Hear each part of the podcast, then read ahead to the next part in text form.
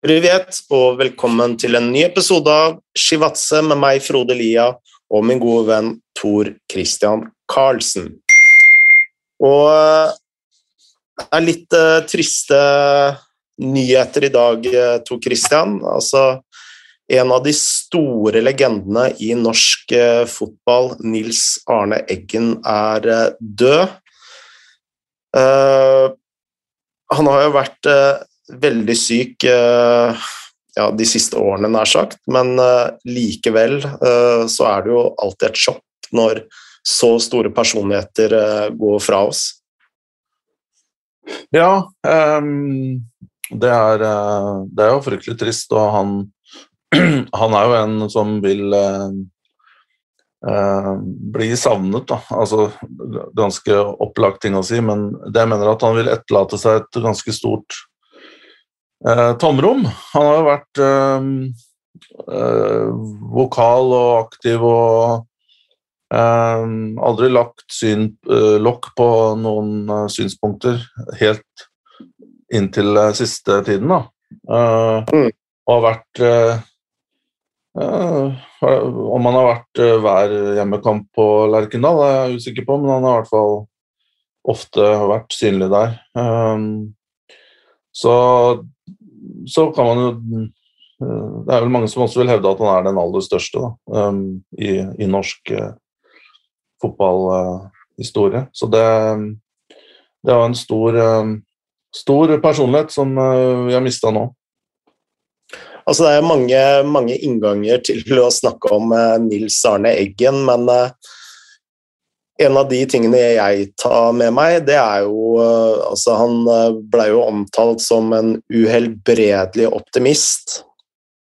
Og det er jo en, eh, det er jo en historie fra barndommen hans i Orkdal, hvor han vokste opp. Og Orkdal var jo kanskje det stedet i Norge med flest nazister under krigen, for det var så mye uh, kobber og andre ting tyskere trengte til uh, krigsindustrien.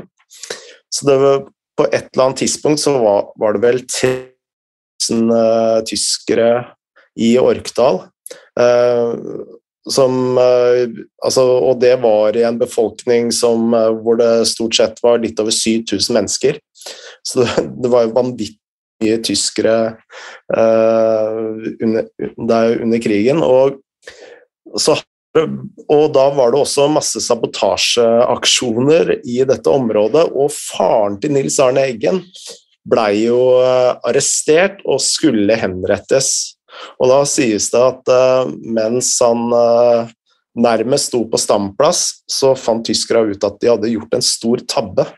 De hadde rett og slett tatt feil Eggen. Så eh, pappa Eggen blir eh, sluppet fri igjen. Og, og det skal, skal visstnok sies da at eh, etter da så eh, altså Nils Arne hadde jo denne berømmelige pressekonferansen hvor han sa 'hope in a hanging snore'. Men eh, da, allerede da, og selv om han var rett før skolealder, så, så visste han jo det. Dette var jo selvopplevd. Det var faktisk 'Hope in the Hanging Snore'. ja, det er jo ganske brutale Brutal eh, historie, da.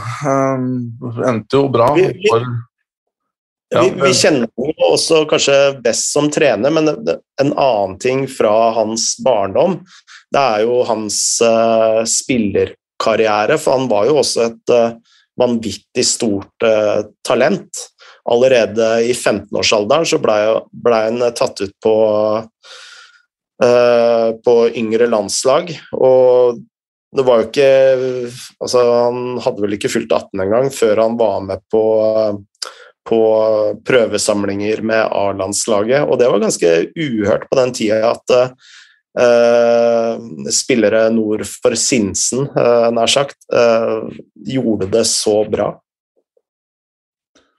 Ja, jeg, jeg, er ikke det er akkurat så kjent med spillerhistorikken der, men eh, det er jo veldig imponerende. Og, og jeg husker jo mine første minner. altså Nå, nå handler ikke det her om meg uh, i det hele tatt, men uh, jeg, jeg, var jo faktisk på Meløs noen kamper i den sesongen da Moss vant uh, ligagullet. Om det var 86 eller 87. Og Nils Arne Eggen var trener. Og det var litt sånn Leicester vinner Premier League-prestasjon. da. Så mm. han er jo klart, han har jo det er jo ikke bare sånn at Noen trenere er jo noen ganger sånn at du Alt klaffer da, med omgivelsene, og du kommer til et sted som akkurat er eh, passa for deg og din filosofi og din, din væremåte.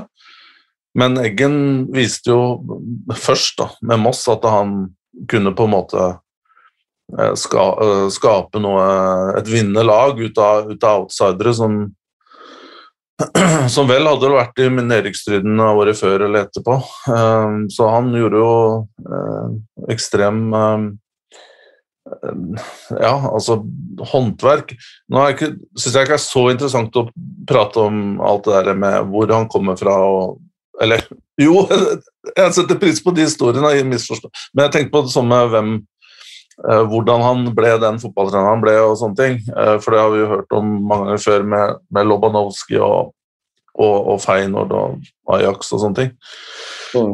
Men det jeg syns er spennende, da, eller kanskje det jeg tar med meg og ønsker å på å si huske da, med Nils Arne Eggen, det er jo typen. Eh, og at han Jeg syns det er litt mangelvare i dag, da. Jeg uh, syns vi har en tendens i dag til å være veldig uniforme og alle skal passe inn i en eller annen type format. Og vi skal mene og si de samme tingene og ha, tenke mer eller mindre i de samme formene. Nå oppmuntrer ikke jeg til noe ekstreme, ekstreme uh, tilbøyeligheter, men, men, jeg bare mener at han var unik da, som type. Eh, og han tok eh, influences fra forskjellige steder, da, blant annet, og, og, og, engelsk fotball i tillegg. Og så, så klarte han å rendyrke det til sin stil, og det synes jeg er noe um, fordi han, Det Rosenborg-laget det hadde også gjennombruddshissighet og en direkte måte å spille på som i hvert fall ikke Lobanovskij hadde med Dynamo Kiev, som var mye mer omstendelig og teknisk type sirkulerende fotballstil. Da. Men at han tok noe her han tok noe der, og så, og så skapte han sin egen stil og, og, og rendyrka den. Og det tror jeg er eh, noe mange kan ta med seg. I dag så føler jeg det er veldig mye sånn kopiering. At når noe har blitt eh, Når noe funker, og noe har blitt en vogue, så skal alle drive med det. Mm. Og så ser man at de originale og de på en måte eh, mer skarpe tenkerne, de er allerede i gang med noe nytt. Når ja. resten har fått uh, teken på det de holdt på med, ikke sant. Og der mener jeg at Eggen var en eh, pioner, da. Uh, men det skal også sies at han for hadde jo også sitt vindu på kanskje 10-15 år hvor hans stil på en måte var mest effektiv, og så hadde det kanskje ikke funka å spille akkurat sånn i dag, da, men, men um, jeg tror i hvert fall mange har uh, mye å lære om å studere han som type og hvordan han tenkte. Da. For, å, for å lykkes i ikke bare fotball, men i, i livet og jobber, uh, arbeidslivet generelt. Det jeg føler skiller Eggen da, altså, og de som har kopiert hans, det er jo denne berømmelige godfotteorien hvor du prøver å finne det beste i hver enkelt spiller, og så tviker du eh, systemet til spillerne. Jeg har veldig inntrykk av at de som har kopiert Nils Arne Eggen, de har nærmest gjort det motsatt. Da. Tatt stilen, og så måtte spillerne, eh, helt eh, uavhengig av styrker og svakheter, måtte liksom passe inn i stilen. og det sier noen av de spillerne som også har spilt under ham, da, at de fikk litt sånn skreddersydde roller, mm. som var litt uh, Ja. Ja, det er et veldig godt poeng. Um, meget um, meget uh, godt sagt, og det, det er vel kanskje litt sånn eh, det er, det, er, det er, kanskje også litt utdatert, da. Uh, på en Altså, dessverre, at man, man ser Man ser på spilleren uh, og, og, på en måte Hva skal jeg si Har et ganske rigid Setter vedkommende ganske rigide rammer, og så, og så utforsker man ikke noe mer utover det, da.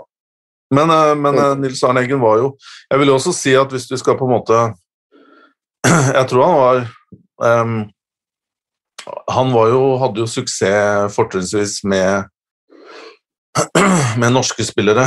Det var jo ikke så mange utlendinger som kom i den perioden her til, til Lerkendal og ble suksess. De prøvde vel eh, en og annen afrikaner og, og noen utlendinger. Svenskene og danskene kom vel litt senere, tror jeg. Mm. Men det, det, han var jo ganske um, jeg, jeg, jeg, tror ikke hans lederstil hadde vært en stil som hadde funka så veldig mange andre plasser da, inne i, i Norge, eh, hvor spillere tåler og vil ha ganske klare tilbakemeldinger. Eh, og så så, så det, det, man må nok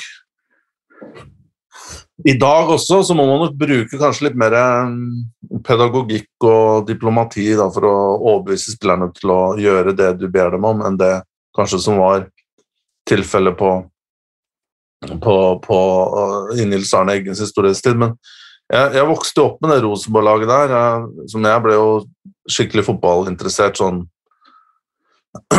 ja, utover bare det å være hva skal jeg si uh, fan, da.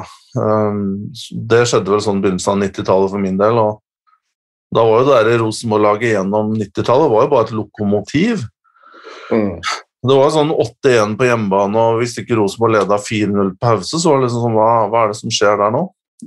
og det er, det er, ganske vilt å tenke på. Det, de har vel eh, fått Altså, var det 14 ganger i Champions League. Det kan stemme, og det var rekord med, med, antall eh, ganger på rad. Jeg tror det var Rosenborg Olympiakos faktisk, utrolig nok, som var de to med rekorden der.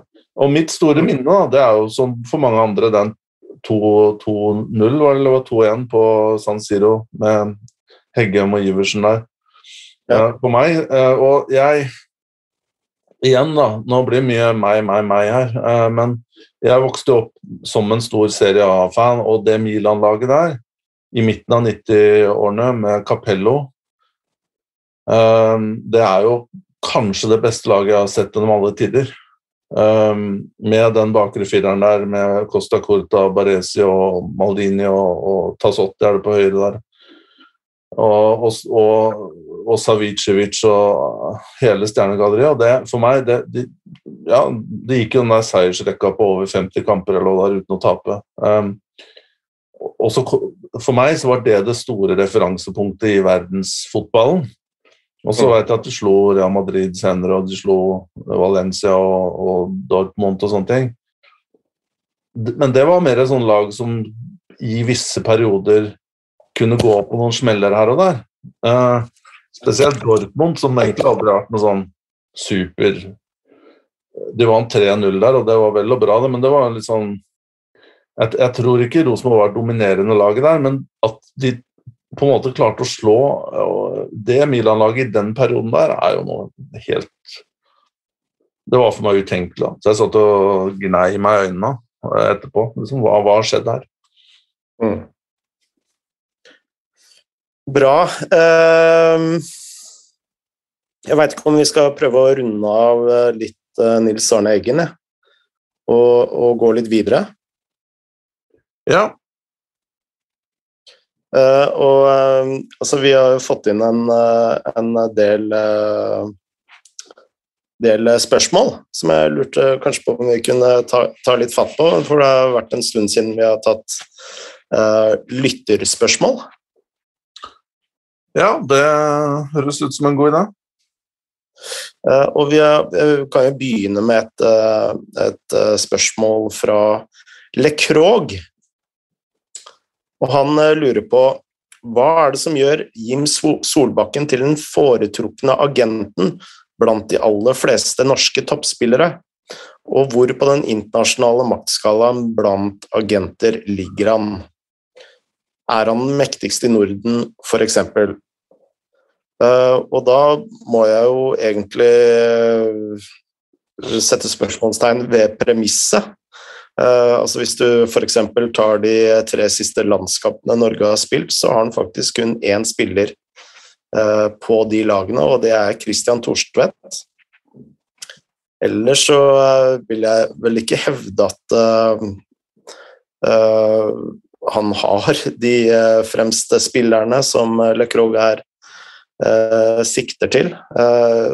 men det skal jo sies at Erik Botheim-overgangen er jo er jo en vanvittig stor, eh, stor overgang, men eh, blant de største spillerne er jo Christian Thorstvedt, Fredrik Aursnes og da Botheim og kanskje Østigård uh, i tillegg her, da. Så, men uh, uansett så er vel kanskje ikke det premisset riktig? Nei uh, Nei Forresten så, så syns jeg det er ja, jeg syns det er litt sånn rar, rar uh, rar, Rart spørsmål, men uh, Jeg ser jo at det er jo mange, mange store agenter i Norge eller altså som, som, er med på Hvis man skal måle en agents suksess da, fra å Hvordan måler man den? Er det omsetning, eller er det antall overganger Eh, målt i sum. Eh, altså, det er sikkert agenter, altså mange agenter som har, som har mange spillere, men klarer man å få, få spillerne ut? Og det er klart, agenten gjør jo bare én del av jobben her. Det er jo spilleren må jo også hjelpe til. så, men eh, jeg ser jo at de siste overgangene der, da, det er jo med Runar Berg Nei, ikke Runar, men Patrick Berg og Fredrik Bjørkan. Og eh, er det jo Atta Neke som, som har representert. Eh, han har jo hatt en del store overganger.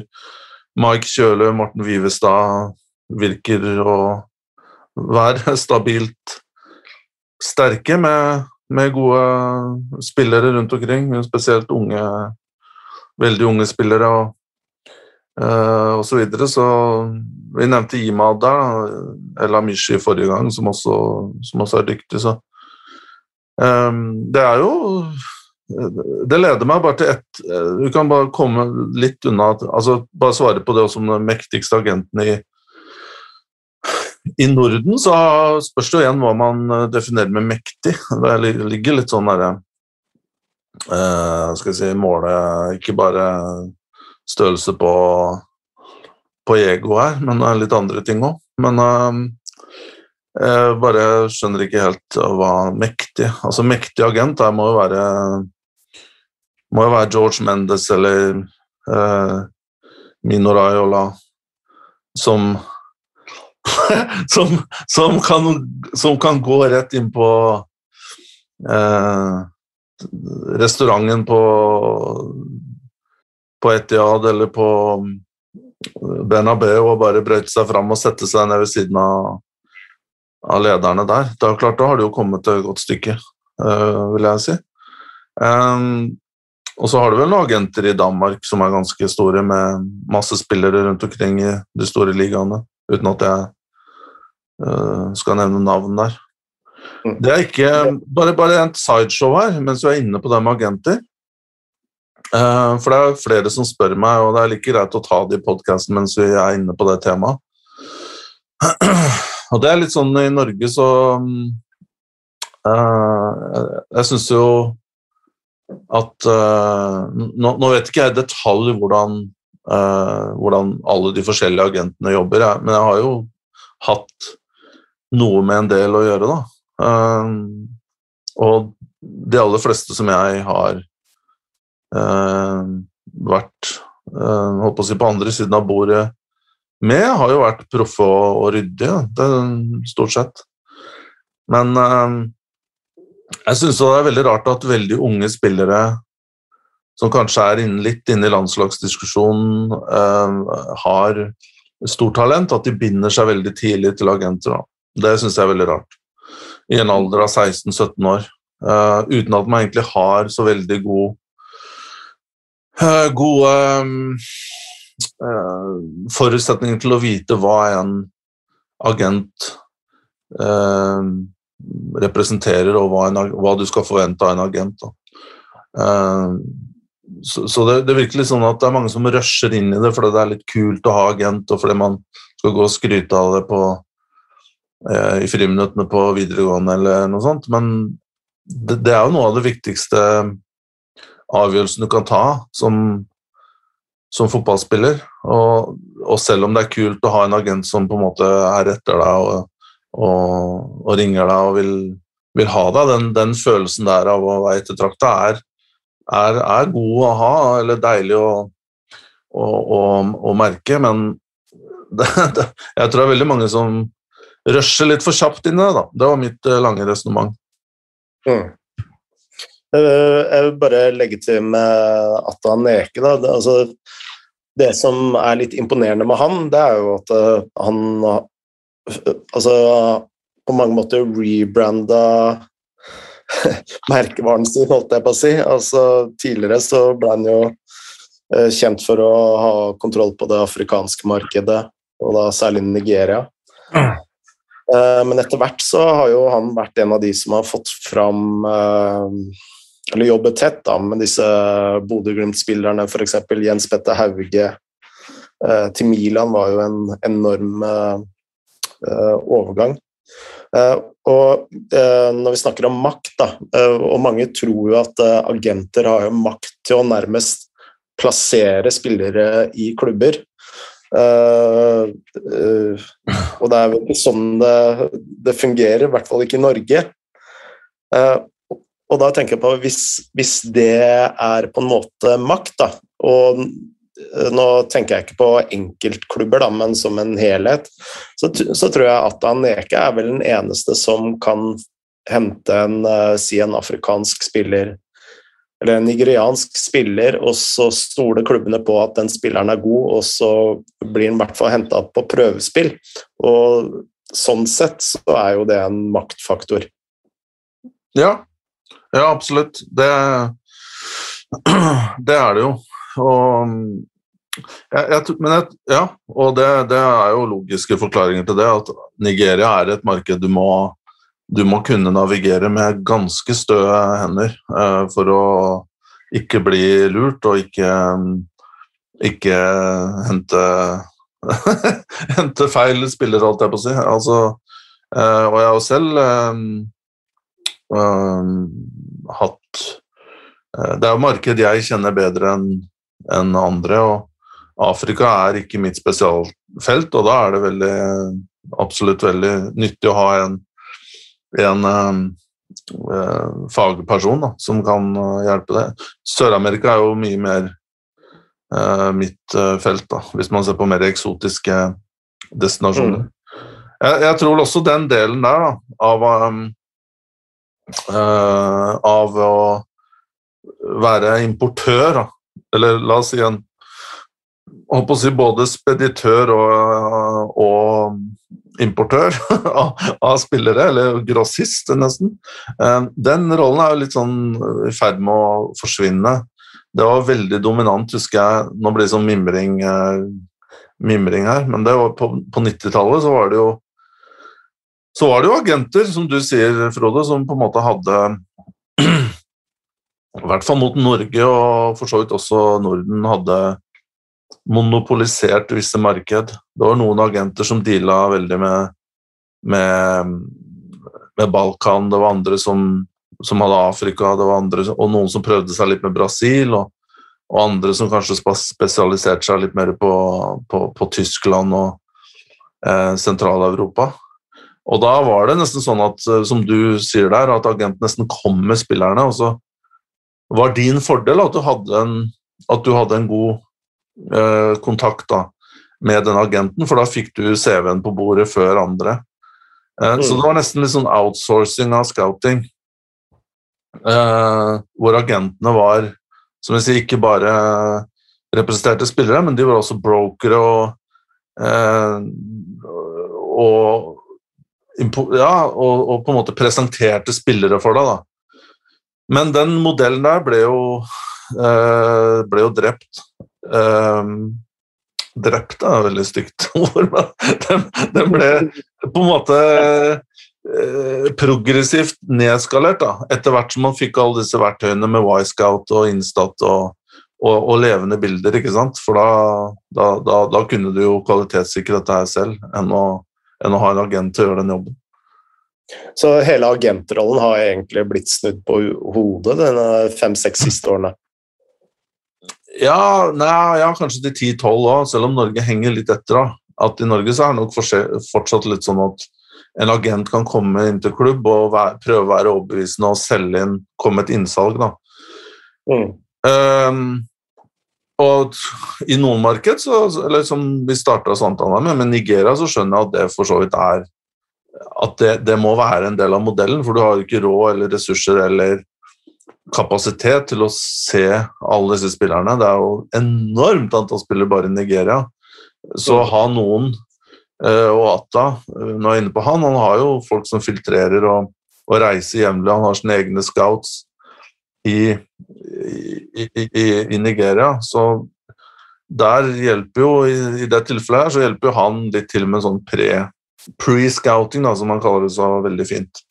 Eh, og så er det vel også andre agenter som opererer litt, litt lignende i på en måte vanskelig tilgjengelige marked. Jeg har jo også nevnt Brasil da, som litt av det samme eh, at Litt det samme modus operandi funker, eh, fungerer der, hvor du har et vanvittig antall med spillere som bare kommer opp gjennom systemet. Um, og det er nesten helt umulig å følge med, fordi det skyggemarkedet utenfor den offisielle ligafotballen det er jo nesten større enn enn uh, offisielle spillerne som er registrert. Da. Um, og da jeg mener skyggemarked, så er det jo private akademier og Eh, og sånne ting, da, som sitter på rettighet og, rettigheter. Og de, de, kan sitte i mange år på en veldig god spiller da, uten at de gir han fra seg. Um, det er to ting jeg, lurer på. Um, og bare ta det denne først. Uh, si Botheim-overgangen, som ble en ny salgsrekord ut av Norge. Altså, hvor eh, stor del av æren skal en eh, agent ha for at en sånn avtale blir så stor, eller er en agent mer tjent på at den avtalen blir så liten som mulig? For da altså, ikke sant, Totalsummen er vel total. Så eh, hvis f.eks. overgangssummen er høy, så vil lønn f.eks. og agentfee kanskje avspises, jeg veit ikke. Her har du eksperten. Ja, det, det, det er ikke noe standard svar på det. Og spesielt med, eh, med La oss si at en spiller er uten kontrakt. Uh, Bossmann, så er det nok enklere å regne på den måten der. At det er en mm. pott som skal fordeles. Um, men la oss si da at uh, Nå husker jeg ikke om Bodheim skrev tre eller fire år. La oss si han skrev tre år, bare for regnestykket skal bli enklere. Um, og han uh, Og overgangssummen var, var 30, uh, 60 millioner, la oss si det. Og så Da er det 20 millioner per år.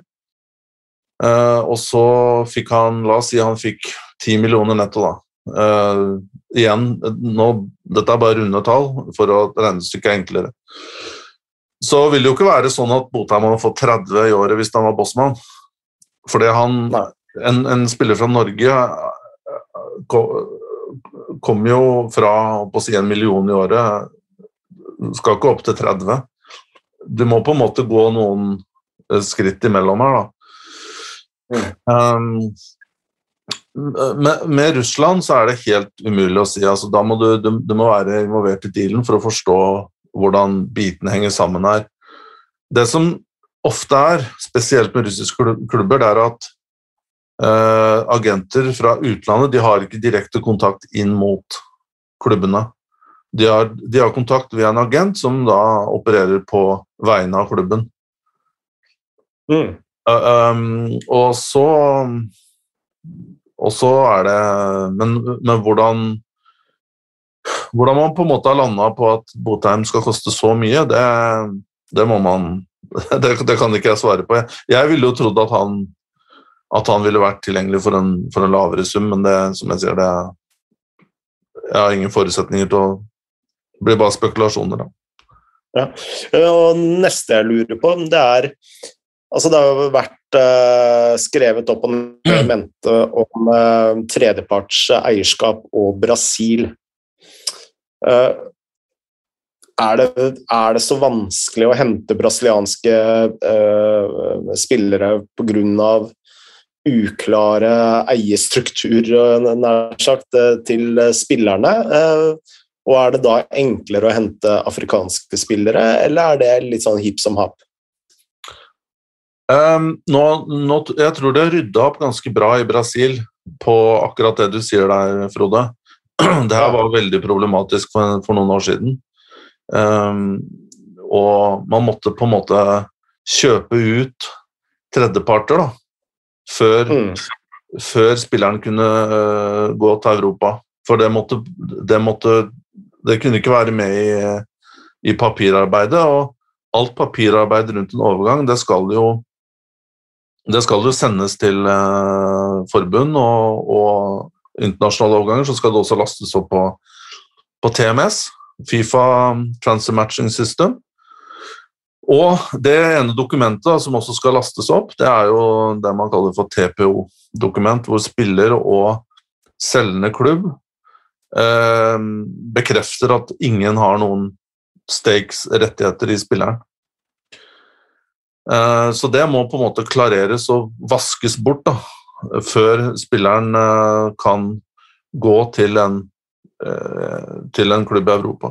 Så ser man allikevel, jeg vet ikke hvordan det gjøres, jeg bare ser at det har vært noen issues med noen portugisiske klubber og Jeg tror det var i Portugal hvor allikevel det har vært TPO-krav og sånne ting i etterkant. Hva som har skjedd der, er, er jeg usikker på. I og med at Man skulle jo tro at man hadde jo måttet laste opp et TPO-dokument for at, hele, at det skulle uh, ha, ha, blitt godkjent. Da. Eh, men ehm, et, eh, et, annet problem også med Brasil, det er jo disse Det er jo at spillerne egentlig aldri er ordentlig fri fra, fra tidligere ehm, eiere, om du vil, tidligere klubber. I, i, Europa så er det vel 23 år. Da er du fritatt fra Hvis du er 20, over 23 år, så er du fri det vil si at um, tidligere klubber ikke kan kreve noe solidaritetspenger og, og sånne ting. Utdanningskompensasjon. Um, men i Brasil så, så, får du ikke løsrevet deg ordentlig fra det. og Brasil er jo en kategori veldig høyt oppe. Um, det vil altså si at uh, å hente en spiller da uten kontrakt, som er ung fra Brasil, er nesten umulig, fordi de tidligere klubbene vil kreve fullt oppgjør. Mens la oss si at uh, vi skal hente en islending til Norge da, som er uten kontrakt da, i 22 år. Så kan du lage en avtale med disse klubbene i Island, og så bare sier du at ja, du får noe videresalg eller noen litt småtteri. Og de uh, går med på det, stort sett. Men i Brasil så skal de ha da, for da, da tenker de at oi, her Det er også en del av businessmodellen, ikke sant? for de har jo vært med og utdanna spillerne som private akademier. Mm. Og private forretningsmenn eller -kvinner har da brukt sine egne penger til å kjøpe baller og, og kjegler og mål og baner og ja, alt mulig. da. Um, så de vil jo insistere på å ha å, få disse rettighetene. Og det er jo det er mange klubber som bare ligger sånn simmering latent, som egentlig ikke er operative, men bare eksisterer og betaler lisens for, for at det kan komme da drypp fra utdanningskompensasjon. Eh, med, med, Nigeria, i hvert fall sånn jeg opplevde så er ikke det så veldig stort uh, issue. Um, uh, bortsett fra at uh, Fordi de vil i utgangspunktet gjøre butikk og gjøre en deal. Mm. Og der kommer du mye lenger med 5000-8000 dollar enn det du gjør i Brasil. Der kan det fort være 100 000 dollar uh, for å få dette til å gå opp. Men jeg kan jo bare fortelle en liten digresjon her når jeg er inne på det. Det er jo at det faktisk eksisterer selskap. Uh, noen, Ett er basert i Bulgaria, et annet er i Tsjekkia. Og så er de, jeg tror det er ett i Berlin. Og det er altså type advokater Eh, eller jurister som holder et øye med alt overganger, som, spesielt fra Afrika og til Europa. Og Når de da ser en spiller, eh, en overgang, f.eks. Eh, spiller går fra en klubb i Nigeria til Norge, så, da, så begynner de da å sjekke um, bakgrunnen til spilleren gjennom nettverk de har. da, i, i Nigeria. Dette er spesielt utbredt i Nigeria.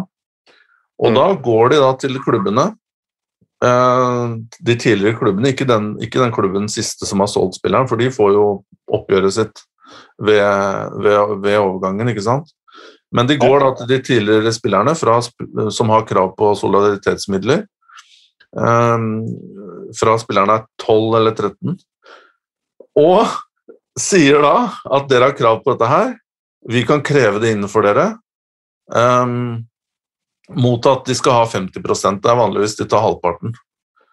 Mm. Og de der, juristene, de, de, er vanskelig å ha med å gjøre, altså. Og, de, og du, du, tror jo først det er en liksom Nigeria-e-mail, og at dette her er noen som prøver å lure deg. For det, den e-mailen du får først, det er jo ganske Det er med innkrevning. Disse klubbene har krav på det. Vi er installert som um, innkreving, altså inkasso omtrent. Uh, vi er innkrevere, og dette er betalingsopplysningene. Betal ditt innen så og så, hvis ikke så går vi til Fifa. Og det som er ekstra ubekvemmelig med dette her, det er jo at du selv har jo Det er veldig vanskelig for deg selv å begynne å nøste opp i dette her. For du får ikke noe mm. hjelp av nigerianske fotballforbundet, du får ikke noe hjelp av det, det, er liksom ingen Fifa gidder jo ikke å ta i dette her. Men jeg har inntrykk av at disse innkreverne har hatt noen kontakter som er veldig tett på, eh, på rettssystemet da, til fotballen, sånn at de får, får dette fort i gang hvis du ikke betaler det. Og da kommer det renter og mye større krav. Mm. Så det, det, der er veldig ubehagelig å få på nakken. og, og, og, det er jo veldig uskyldig, da, for det um, Men når det er sagt, da, du, hvis du kjøper en spiller, uh, en nigeraner, da, for x antall, la oss si fem millioner kroner, uh, så skal jo 5% av den summen uansett, det skal jo trekkes fra og settes inn på en annen konto. Og de pengene skal jo du betale da, når for uh, solidaritetsmidler. Men det jeg bare ikke liker med disse, den modellen der med innkrevinger, det er jo at du ikke helt vet om dette stemmer, de opplysningene de har. ikke sant? Så du kan jo ende opp med å Du blir stressa til å betale, og så finner du ut at den klubben der som juristen i Tsjekkia hevder har krav på 100 000 kroner, har ikke det likevel. Og de pengene får du aldri tilbake. da. Hvor er det de får den oversikten fra? Nei, det er vel gjennom De, de har nok investert litt i noe nettverk i, inn i, i, i, Nigeria. Og så tipper jeg også at de har kontakter med nigerianske fotballforbundet. Og gir dem noen øh, Kanskje noen insentiver som øh, gjør at de, de, de skaffer dem opplysningene. Men tilbake til brasilianske spillere. fordi Nå er vi jo inne i en periode hvor veldig mange norske klubber har afrikanske spillere på prøvespill. Det, og det uh, var egentlig utgangspunktet for uh, spørsmålet mitt. var Er det noe i veien for at uh, de spillerne ikke nødvendigvis var afrikanske, men var si brasilianske, eller fra Uruguay, Costa Rica, eller hva som helst, da. Eh, men hvis det er sånn at uh, brasilianerne priser ut sine spillere, så er det jo en naturlig forklaring på at man heller har afrikanske spillere på, på prøvespill og ikke søramerikanske. Um, ja, det har nok litt med nettverk å gjøre, da. Um, som vi var inne på tidligere. Det har sikkert med at la, hvis, du, hvis, du, holder oss nigerianere, ikke sant, så snakker de engelsk. De har spillestil som passer veldig godt til norsk fotball. De har tempo og, og, og fysikk og også etter hvert ut, begynt å utvikle spillere som også er veldig teknisk gode og allsidige. Eh, det er nok eh, en grunn til at nigerianere liksom er, er første go to hvis du skal prøve noe eksotisk, om du vil. Um, mens, mens Bras Brasil, så Du finner jo knapt spillere som prater engelsk hvis ikke de har vært Du har bodd i Brasil selv, Frode, og snakker portugisisk, så du vet hvor sjelden det er å finne brasilianere som prater engelsk. Mm. Og um, Så det er det, det er nok eh, litt for det F.eks. i Portugal da, eh, så ser du jo at det kommer jo nesten liksom flylaster med spillere på ukentlig basis og har prøvespill i Portugal. Fra tredjedivisjon altså Tredjedivisjon i Portugal er jo halv eh, helprofesjonell. Uh, og, du kan, og, og, brasilianere spiller jo på uh, de, er, de, er, ikke utlendinger i, i Portugal, da. Så du har jo lag der med 12-14 brasilianere. Eh, men det, det, handler med connections å gjøre, og, og i Portugal så De spillerne som kommer dit, er gjerne spillere da som har på en måte klart å eh, Ikke kommer fra systemer som er spesielt dyre, da. Og, mm. og, og som kommer fra agenter som har allerede gjort en del arbeid med tanke på at hvis de skal signere i Portugal, så får de gjort det på gitte eh, premisser. Eh, og det er sånne avtaler som tar ganske lang tid da, for en som ikke er ekspert i Brasil, og klarer å liksom opparbeide seg den type kunnskap og hvordan man skal mm. løse alle disse her eh, tidskonsumerende byråkratiske tingene som dette er. Ja. Eh, I Costa Rica tror jeg er såpass lite land at de beste spillerne er inne i systemet, og de, du vil nesten kunne følge dem fra U17 og opp til U20, um, tidlig 20-årene. Og det er veldig sjelden det er spillere utenfor de på en måte store bruttotroppene til landslagene som er, er spesielt interessante. da. Mm. Men Brasil er jo noe annet. Det er jo et land med er det 200 millioner innbyggere eller noe sånt.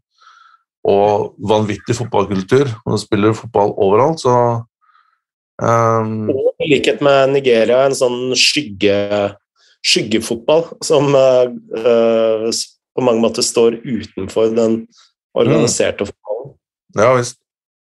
En annen ting som er veldig fascinerende med Brasil, det er jo at det, i og med at landet er så stort, så er det liksom det er flere fotballkulturer uh, i det landet.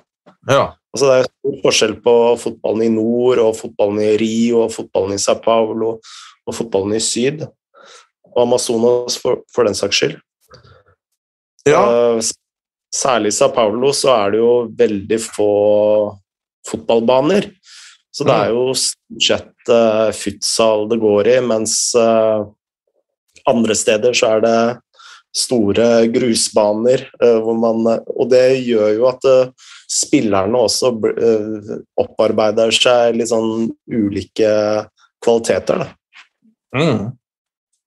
Jeg vil jo noe av det mest um, Apropos det der, jeg lurer på om vi har nevnt det i en tidligere Chavadze-episode, men vi Det koster jo ingenting å nevne det igjen. Uh, og hvis det er noen som har lyst til å få en liten sånn innblikk i, i scouting-livet, uh, og på en måte bare utforske dette litt. Eh, første på en måte enkleste og mest eh, komprimerte, det er å dra og se U Sudamericano U17 eller U20, som er søramerikanske mesterskapet for, for landslag. Um, neste år er det Colombia, tror jeg. 2023. Um, begge de er i Colombia. Da. Jeg, jeg, tror de spilles da over, over uh, seks uker.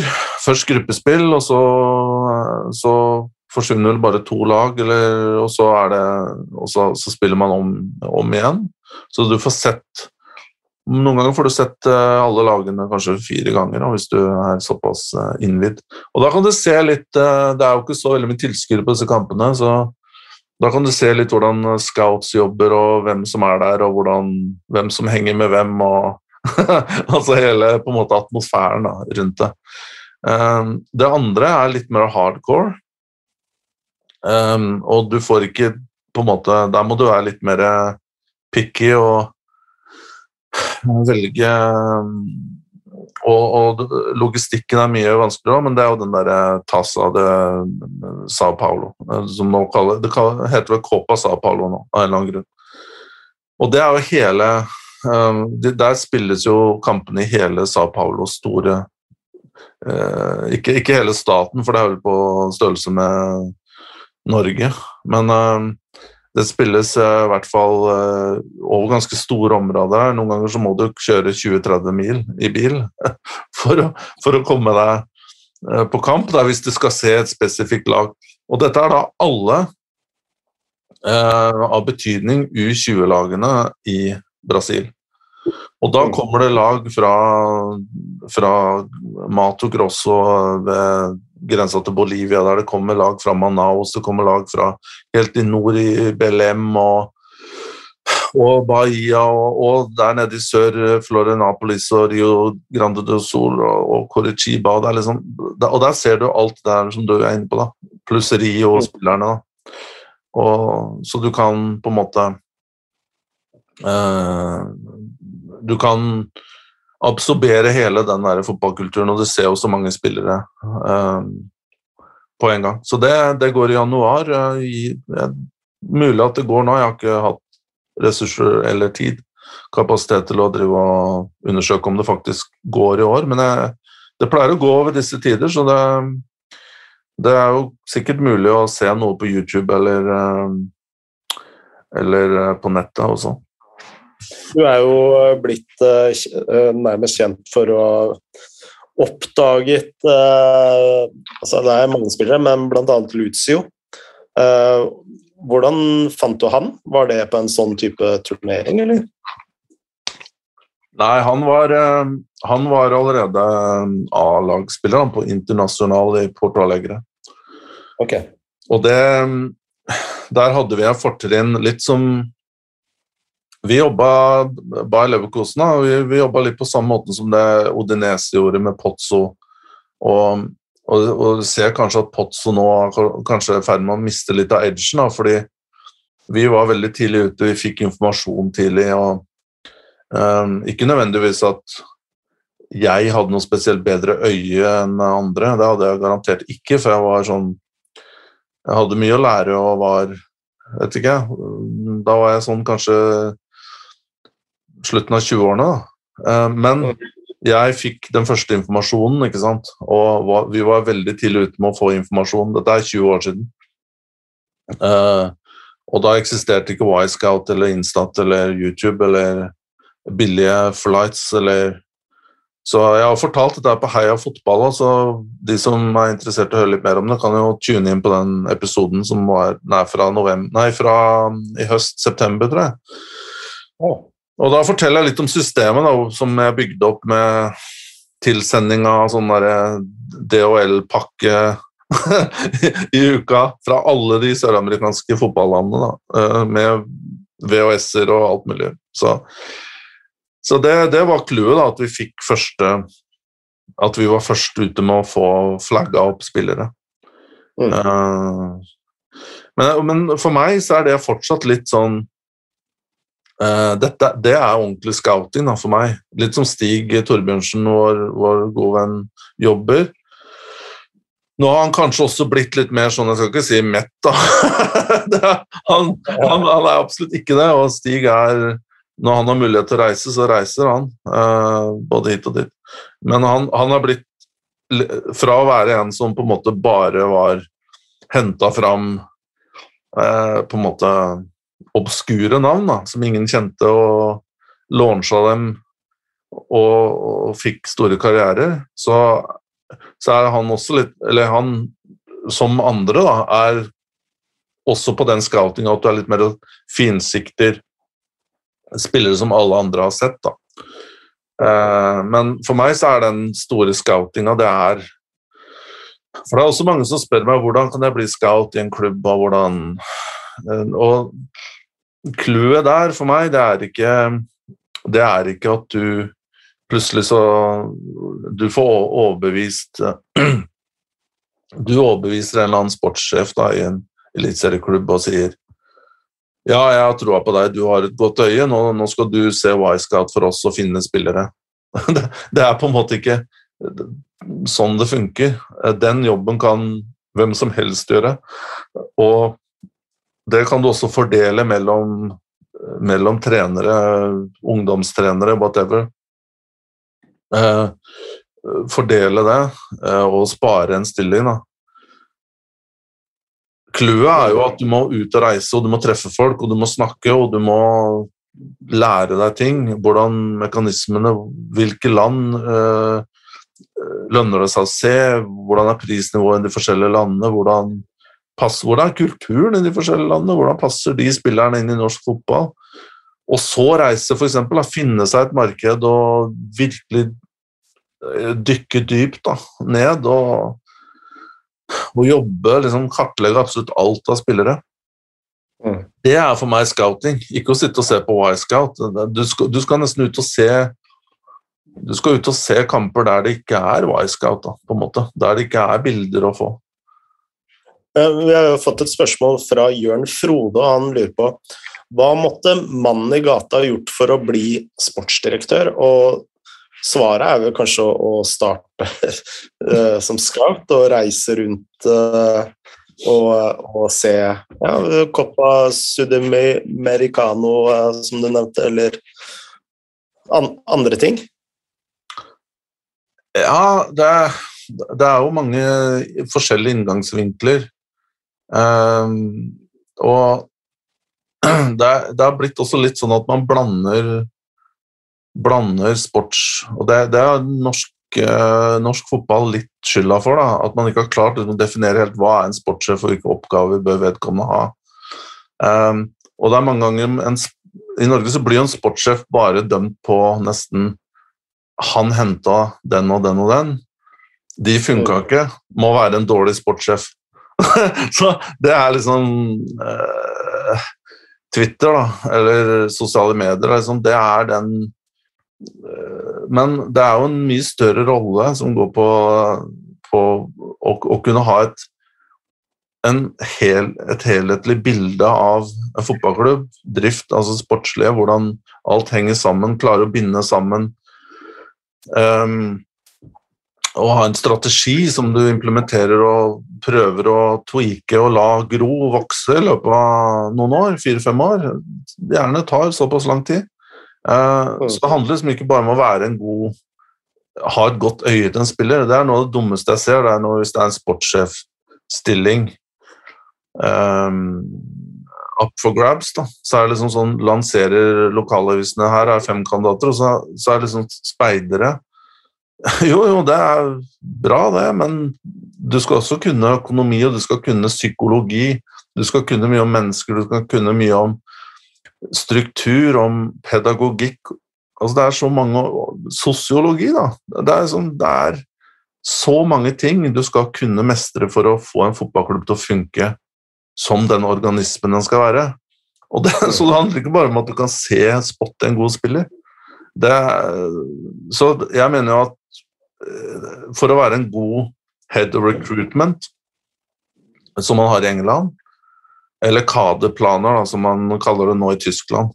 Uh, hvor man faktisk har en stilling, eh, underordna sportsdirektør, som uh, er ansvarlig for på en måte å sette sammen og vedlikeholde en kader, altså stallen.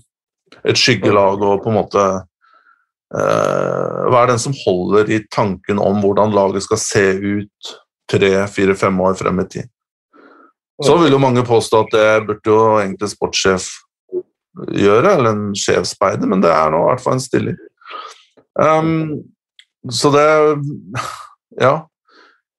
Hvis, hvis det er uh, Hvis man ønsker å, å, skaffe seg en karriere innenfor rec recruitment, uh, innenfor uh, på en måte talentspeiding, rekruttering av spillere, så vil jeg jo Ja, så vil jeg jo Du kan starte der. Og du må ha et eller annet system du, du jobber Og et eller annet mål du jobber mot. Eh, om du tilbyr dine tjenester til en lokal klubb, f.eks. Eh, det kan være i, helt ned til tredje nivå, for den saks skyld. Og tilby at du, at du ser spillere for dem rundt lokalt. Det kan være unge spillere fra 14-15 år. Um, eller du kan gå ut i regionen, lage et system, en database på lokale spillere.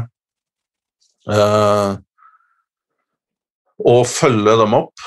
Uh, og hvis det blir lagt merke til at du faktisk eh, er dyktig til det her, at du er systematisk og følger det opp, eh, er ute og ser kamper hele tiden, lager og tweaker dine egne systemer, så, så er det klart at folk vil jo bli imponert, og til slutt så vil du Eh, vil du få Hvis du ikke er helt sosialt uh, brukelig, da, så vil du jo få Finnes de òg? Hva? De sosialt uh, ubrukelige. Ja, det er veldig spesielt på sosiale medier, da, som tror de har funnet opp hjulet ti ganger, og, og, så treffer du dem i, i virkeligheten, og så er det ikke sikkert at du blir så imponert, da. Men jeg, jeg, tror man må starte et eller annet sted, litt for å holde motivasjonen eh, oppå. For det, hvis du liksom bare lager systemet for deg selv, så får du kanskje ikke tilbakemeldinger. Det er veldig nyttig, sånn har det i hvert fall vært for mitt vedkommende, å ha, ha, noe som jeg kan bruke informasjon til, eller andre kan bruke den. Og så må du som, som er tilfellet hvis du skal bli spiller, eller du skal bli trener, eller du skal en eller annen lederrolle i fotballen i Norge, så må du tåle å jobbe hundrevis av timer gratis. Mm. Og det er også min historie da jeg var i begynnelsen av 20-årene, eller slutten av tenårene. Det, var jo, liksom, det kom ingen med, med 30 000 i måneden og, og firmabil, liksom. det, det, det, var Det gikk eh, noen år før jeg klarte å leve, leve 100% av å, eh, å, drive med det. Um, så, og hvor mange timer jeg la ned gratis og, og, og, og hjalp folk og Ja, det, det er i hvert fall uh, fem-sekssifra. Husker du hva du gjorde når du fikk din første lønning som uh, speider? Nei, jeg var vel rett på puben, vel. skal, jeg, skal, jeg være helt ærlig? Så endte fort der. Nei da. Eh, jo, jeg tok jo en tur dit, men eh, det var eh, det var, ikke, det var, ikke, så veldig mye, men det, det, her var jo Graham Taylor som ga meg den kontrakten der i Watford. Og det var akkurat sånn til å leve av. Eh, og så var det noen bonuser, og så fikk jeg en, en ny eh, Compact PC da, som var verdt en del penger, så jeg fikk bruke og, og fri telefon og sånne ting. Så for meg så var det en oppgradering.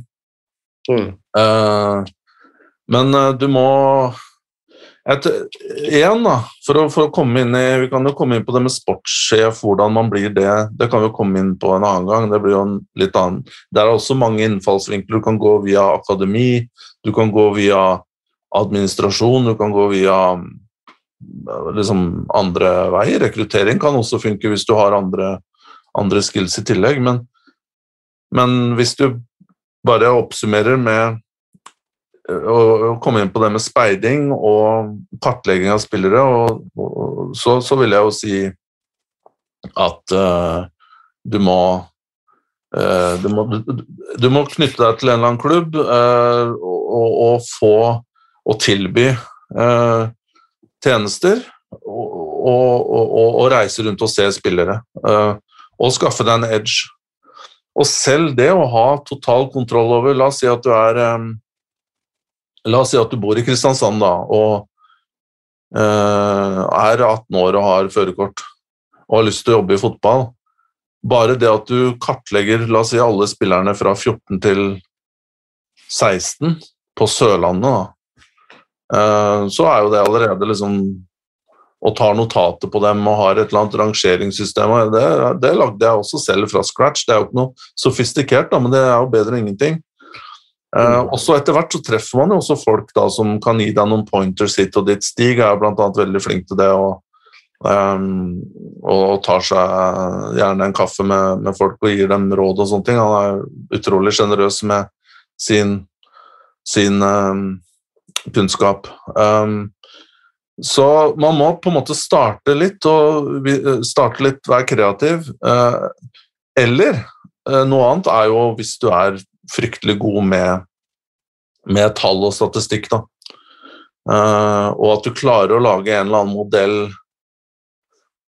og igjen, ikke bare kopierer disse som er hyppige på Twitter og LinkedIn og viser fram at de har lagd modeller på det ene og andre, men hvis du er liksom, kapabel til å lage noe selv der, um, så er jo det interessant for klubber. Da. se at, og, og, og da kan du jo Eh, da kan du jo applye den, de modellene du lager, um, analysemodellene, på et mye høyere nivå enn bare lokalt. Da. For da må du ha TV-bilder og, og, ta, og rå, rå, tall uh, å, å, jobbe med. Mm. Jeg lurer på om vi må gå litt videre fra hvordan man blir sportsdirektør til et annet spørsmål. og vi har fått et eh, spørsmål fra Mathias, og han lurer på hva tenker dere om Ragnhild, Manchester United og Sancho? Altfor lite snakk om verdens største klubb. Hva, ja. Du calla Ragn, Ragnarok, du. Um, står du ved det, eller har du noen nye observasjoner etter, etter uh, en god måned? En uh, god måned, kanskje ikke, men altså en, uh, en drøy måned, heter det med Ragnhild. Ja, nei, Jeg vil, vil, jo ikke si at uh, Manchester United har fått noe særlig boost, i hvert fall ikke sånn spillemessig, under uh, Ragnhild. Og jeg kan ikke se at uh, det er et forbedra Manchester United på noe som helst måte. Eneste som har kommet ut, er jo at det er uh, veldig mye bråk innad i klubben. At det er veldig mange spillere som ønsker seg bort. Uh, om det har noe med Ragnhild å gjøre eller ikke, det veit vi jo ikke. Uh, for alt er jo rykter, og alt er jo spinn. Uh, men av det jeg ser på, på Altså, vi starta denne praten med å snakke om Nils Arne Eggen.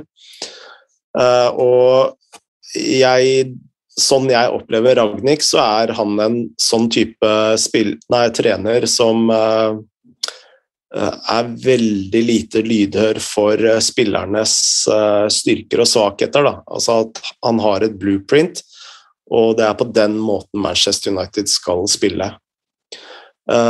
Og det syns jeg fungerer vel ytterst dårlig. At Manchester United nå skal bli et sånt ekstremt pressende lag. Jeg kan ikke se at de har verken spillerne eller evnene til å til å bli, eh, bli, slik. Så ja, det er litt min take on uh, Ragnhild. Ja. Um,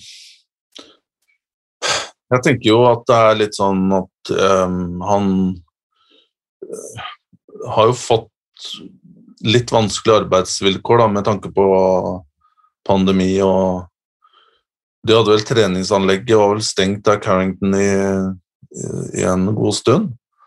Mm. Um, rett etter at Ragnhild kom, så er klart det er jo heller ikke helt optimalt da, for, for, for, en ny trener. Um, jeg, jeg, prøver jo um, I den grad uh, jeg, jeg, jeg, prøver jo Eller jeg var veldig fascinert og jeg prøver jo å sette meg litt inn i hvordan man har tenkt Hvordan man har falt uh, på den beslutningen å ansette Ragnhild. Og jeg husker jo um, i dagene etter at Solskjær uh, måtte gå, så Jeg vet ikke om det var vi som hadde den samtalen, jeg, Frode, eller om det var, var med, med Alexander Skau, var det muligens. I Mercato. Men, um, og da ble jeg spurt, før Ragnhild egentlig var uh, så veldig hot, da, at hva, hva, ville du gjort? Og da sa jeg jo gi, gi nøklene til Old Trafford og Carrington til, til Ragnhild. Og la han på en måte legge føringer for hvordan den klubben her skal se ut i om tre eller fem år.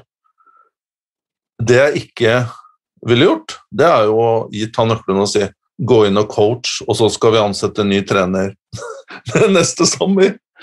Og så skal han gå inn i en diffus rolle, konsulent, som han egentlig ikke vet helt hva innebærer. Um, fordi Ragnhild sin på en måte videre posisjon i klubben avhengig av hvem som blir hovedtrener. La oss si at man ansetter da Pochettino. Mm. Så vil jo ikke Pochettino ha Ragnhild eh, flyende i korridorene der. Da vil det jo bli bare sånn ren konsulentgreie, sånn som jeg holder på litt med noen klubber. Da, da er du liksom bare innom nå og da, og, og er jo ikke involvert i noen i, dypt inn i strategi eller i eh, du, du, er jo ikke synlig. Og da mener jeg, da mister du jo hele den edgen med Ragnhild. Ragnhild er jo har aldri vært en stor coach. Uh, han har hatt noen sånne uh, peaks. Uh, klubbene har alltid liksom hatt en veldig god start, og så har det dabba men lagene hans har alltid vært naive og sluppet inn mye mål. Og, men der Ragnhild har lykkes, er jo da han har vært lagt blueprint, jobba i bakgrunnen med store strategier og fått bygge ting over lang tid. Mm. Og jeg hørte også at han hadde jo blitt um, Når var det? Det var etter uh, Etter at Frank Lampard ble uh, måtte gå i Chelsea, så ble han jo også tilbudt uh, Chelsea. Det har vel ikke vært uh, usikker på om det har vært i media, men det fikk jeg en god kontakt som sa at han ble da tilbudt uh, en rolle ut sesongen, uh, men ikke noe mer, og det takka han nei til, for han ville, han ville ha en lengre avtale. Og da var han vel heller ikke i Loko, Lokomotiv Moskva, så det sto jo ikke da eventuelt i veien. men jeg har også gjort litt sånn research rundt folk som har litt kontakter inn mot Old Trafford. Um, og jeg har vært en del i Jeg er jo fortsatt i England, jeg har vært en del i Manchester òg. Og jeg har ikke inntrykk av at Ragnhild har blitt ansatt som noe annet enn en interim coach, da. Det, og det overrasker meg. Ja. Forstår du? Ja, det Forstår du hva jeg mener? Jeg... Ja, absolutt. Uh, ja, for, fordi vi har jo ikke helt skjønt uh, hvordan uh, han skal på en måte ha nøklene til Carrington med Fletcher og, og, de andre som nylig er ansatt for å drive det sportslige, da. Nei, og Eh, og, og jeg, jeg, tror også at en sånn prosess, hvis man virkelig skal gå Hvis man virkelig skal uh, ha en større tanke bak det med å la Ragnhild forme klubben, så må man jo også gi han mandater som er ganske, ganske sterke. Jeg ville jo insistert på at Men jeg forstår jo også at når Manchester United ringer, så, så er det ikke sånn at liksom du begynner å ja, du, Pep Guardiola kan gjøre det, da. Uh, Klopp Nå er jo ikke de aktuelle for Manchester United, men poenget mitt er at du skal være veldig Du skal ha ganske stor selvtillit og være i en veldig sterk posisjon for å ikke hoppe på første fly til Manchester og få den kontrakten signert.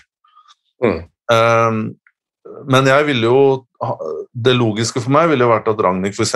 rapporterte direkte til til eierne.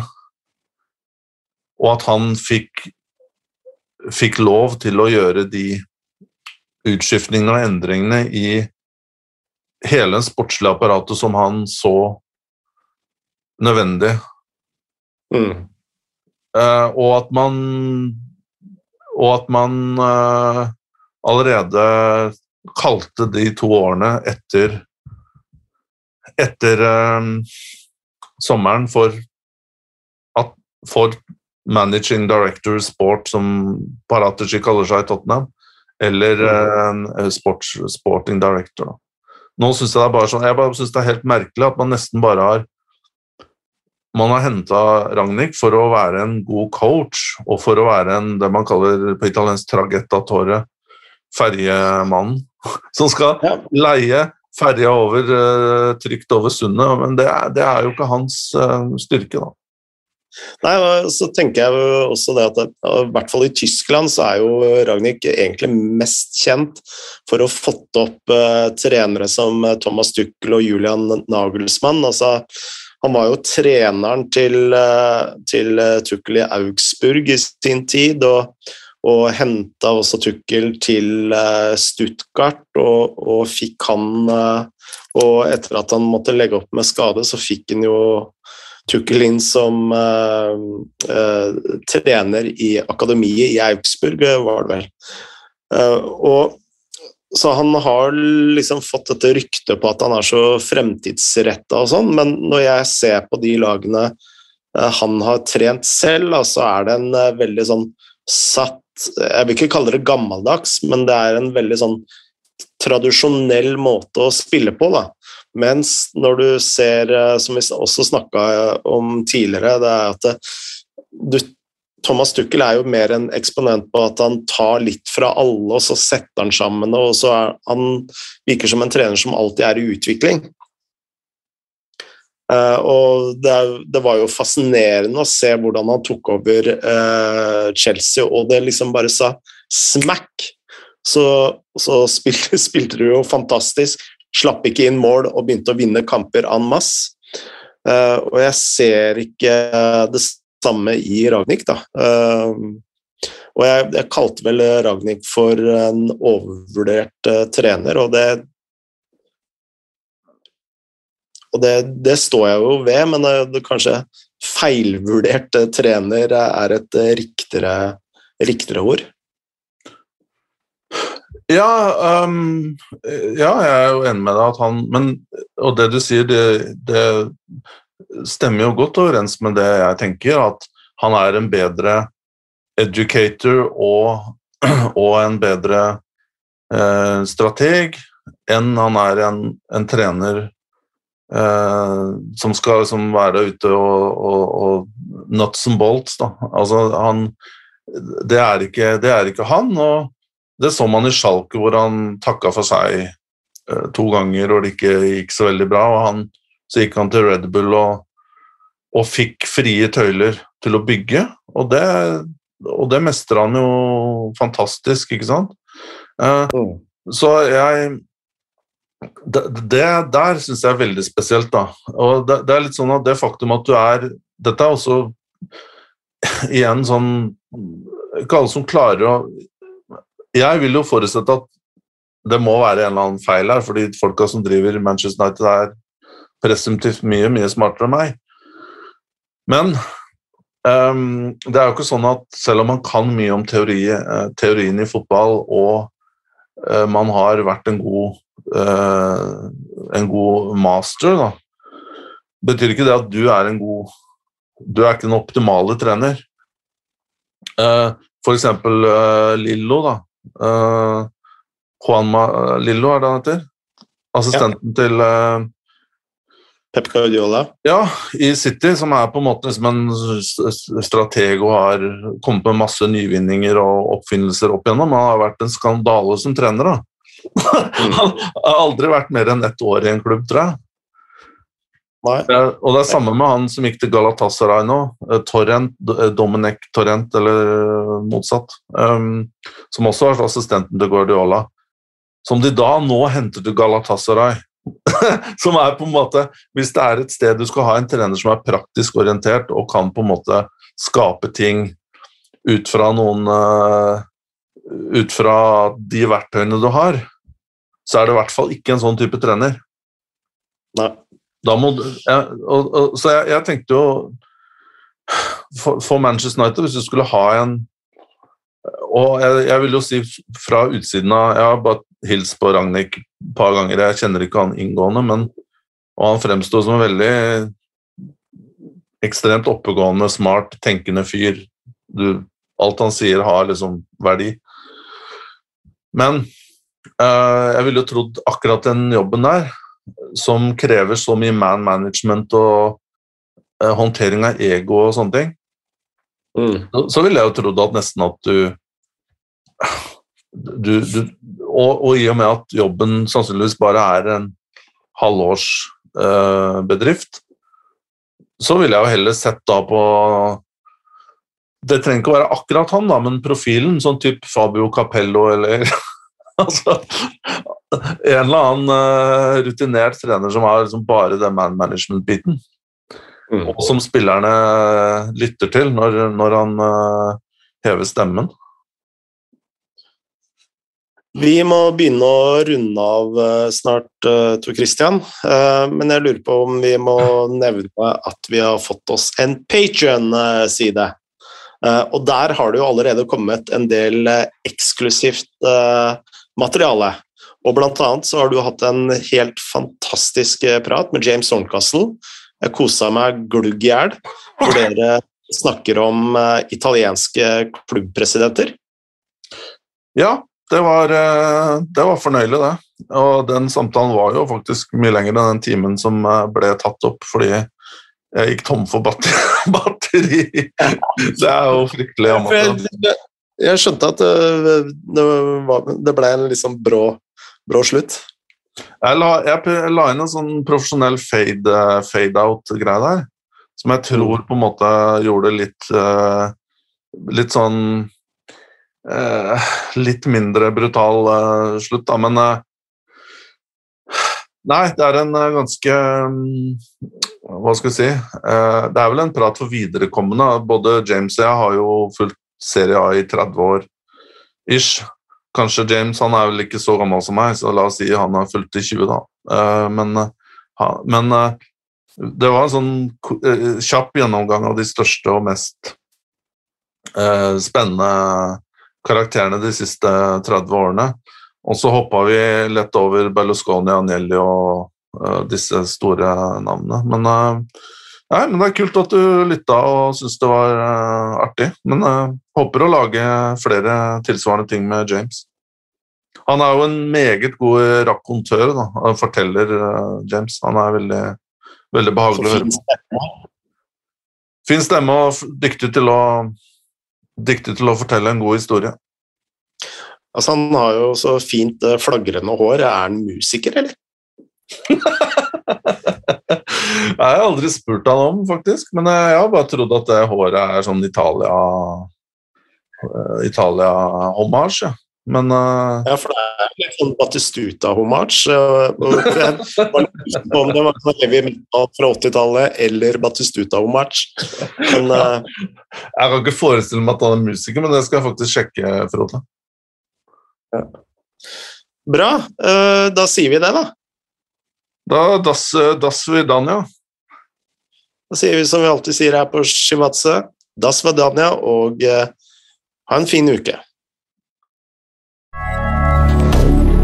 moderne media.